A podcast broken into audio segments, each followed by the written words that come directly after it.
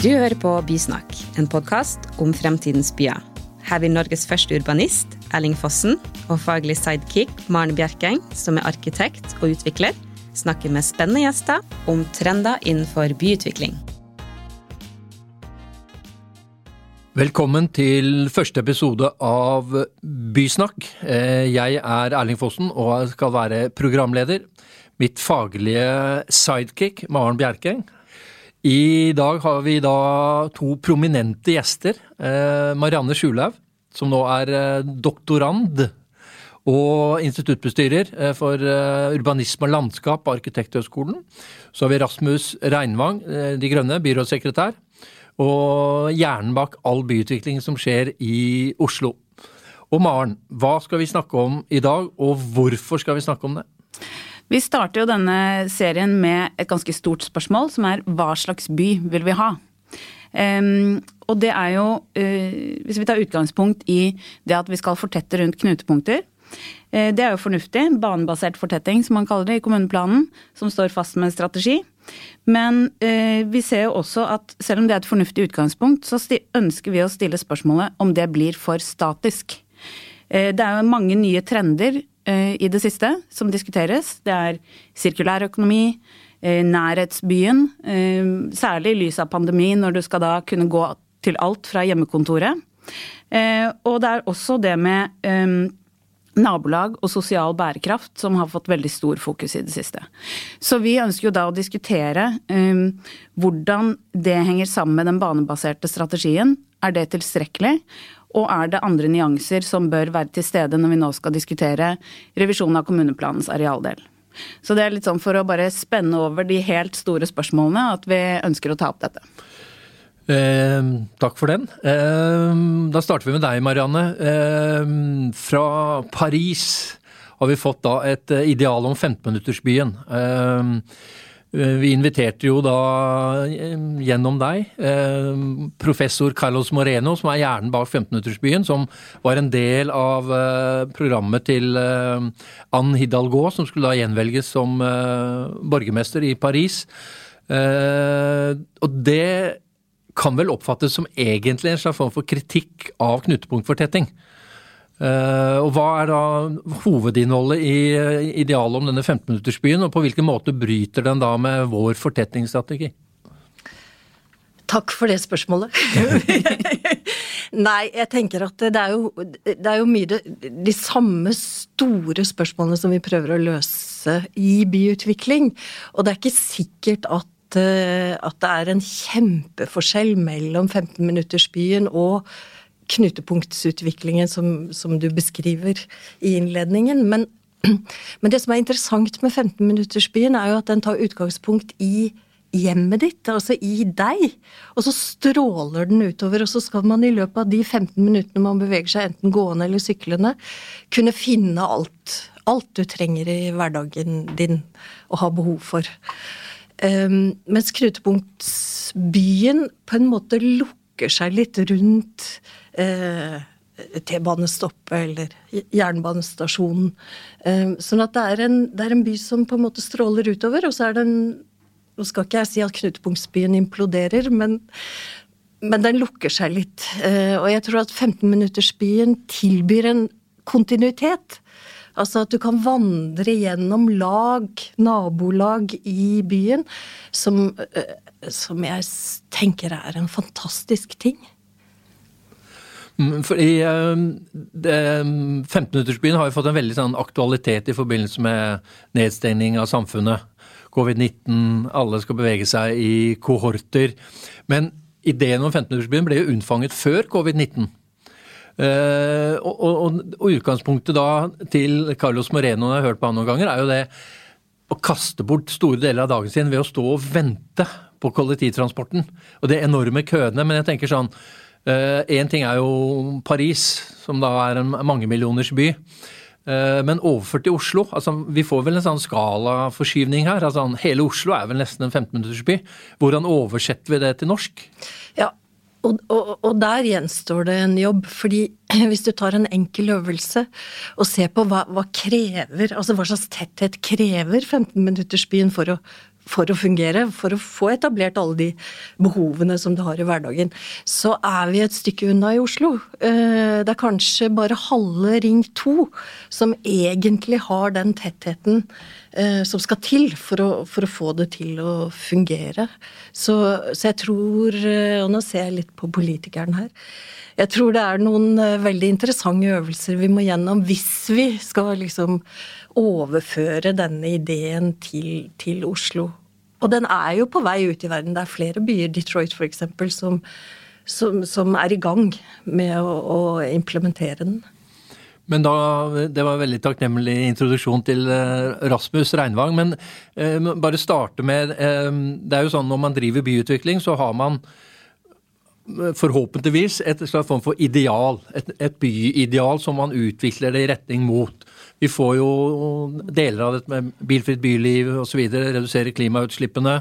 Men er det sånn, dette 15-minuttersbyen, er det noe som dere også da kan tenke dere da inn i De grønnes mer sånn prinsipprogram? Den store forskjellen sånn jeg ser er jo at eh, kollektivtransport blir nedprioritert. Det er aktiv mobilitet, gange sykkel. Og jeg ser jo deg på sykkelen din eh, gjennom Oslos gater hele tiden. Altså Det må jo være noe som er veldig tett inntil det grønne. Uh, og sånn sett så er det vel nesten Kan ikke det bare si vi skal utvikle Oslo til å bli en 15-minutters by?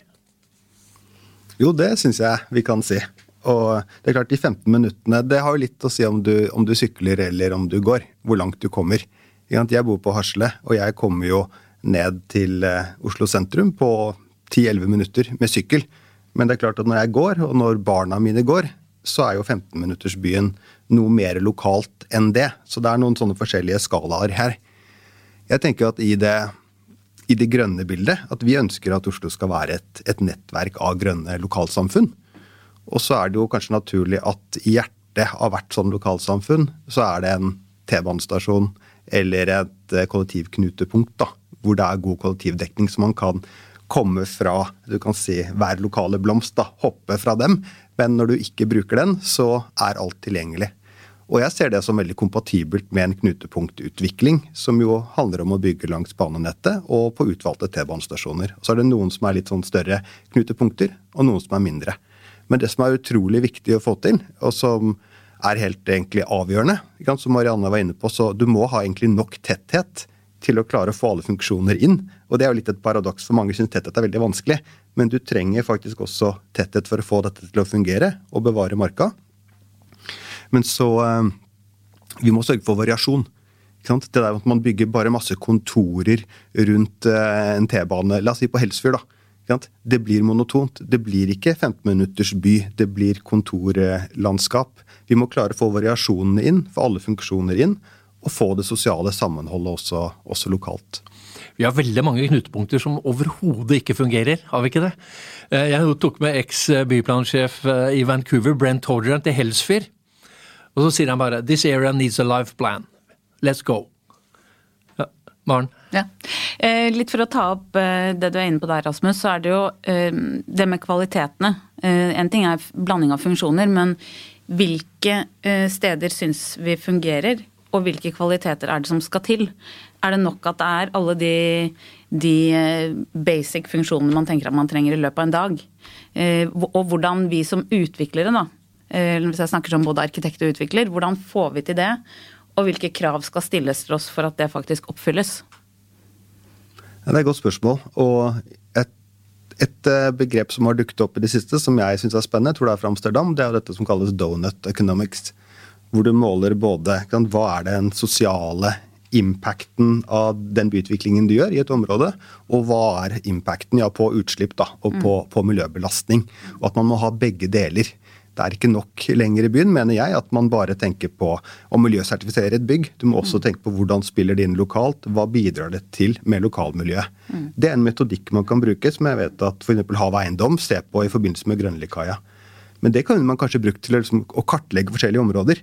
Hvordan slår dette området ut på ja, donut economics? Er det sosiale på plass, eller mangler det noe her? Ok, Når det kommer et nytt prosjekt, da må vi få inn mer sosiale ting, for her er det en mangel på det. Mm. For, å, for, å, lappe og reparere og foredle og forbedre, som vi jo hele tiden må gjøre mm. sammen i denne byen. Mm.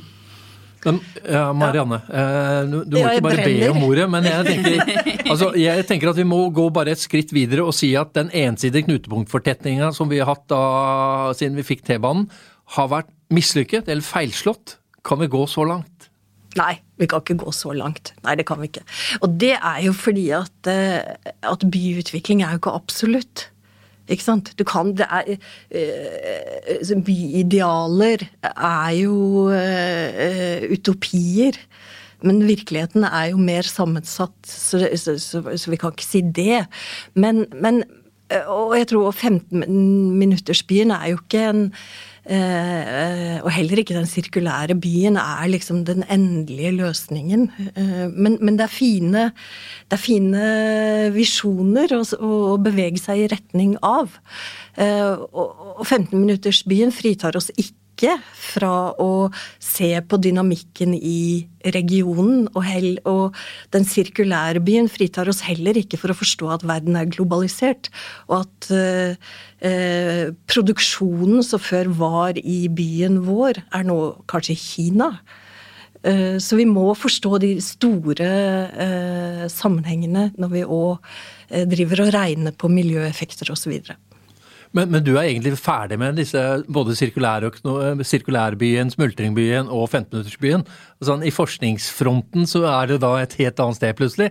Men det som jo er eh, in interessant, uh, syns jeg, som vi som må da prøve å implementere på, på eh, vårt lokale sted, det er jo at nå har vi Oslo har vært en ekstrem vekstby. Vi har vokst sammenhengende eh, siden 1984, bortsett fra det var vel ett kvartal med under koronaen hvor det duppa litt. Vi har veldig vært opptatt av eh, volum. Alle skriker om vi må ha nok boliger. Og så har vi helt glemt det å bygge boligmiljøer. Ja, det er én ting, eh, men også forståelsen av tetthet. At den oppnås kun ved å bygge. Det er jo ikke sikkert.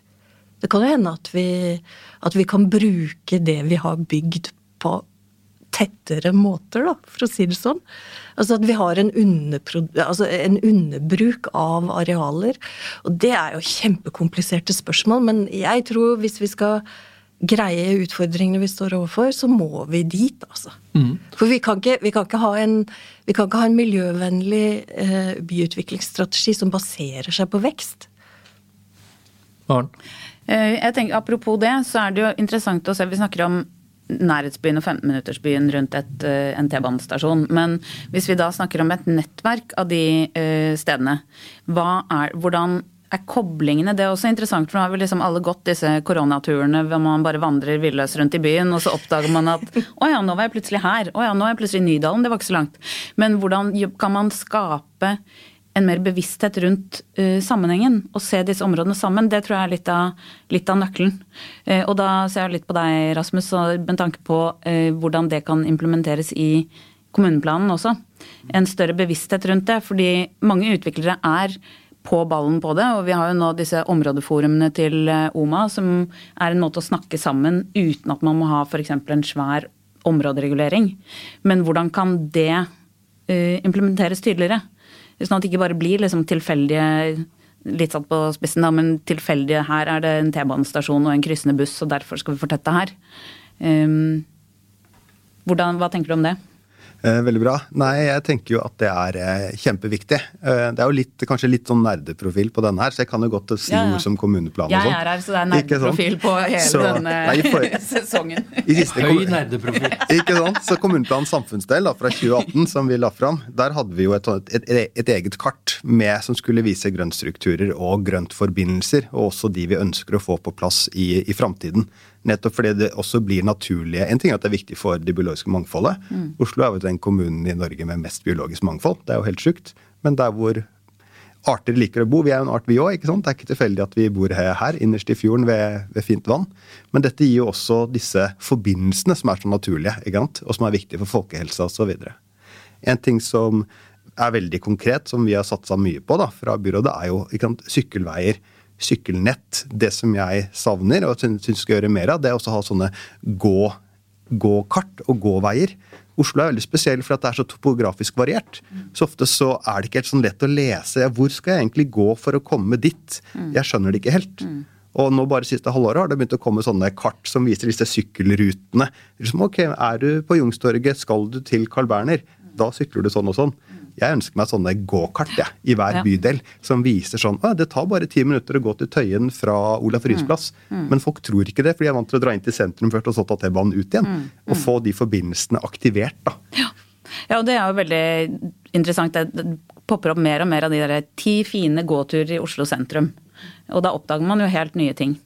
Så jeg tror eh, det har jo noe for seg å på en måte få det litt inn i planen. Og så tror jeg at eh, en ting er grøntstrukturer, det er jo veldig viktig. Men også de gode urbane sekvensene av rom. At det kan også være interessant å gå fra Grønland og over broa til eh, Bjørvika. Mm. sant? At det også har, eh, har noe for seg, da. Kan jeg kaste inn en ting der? For jeg ble så ivrig. Nå ble Marianne også Ja, ivrig, men jeg bare skal være kjapp.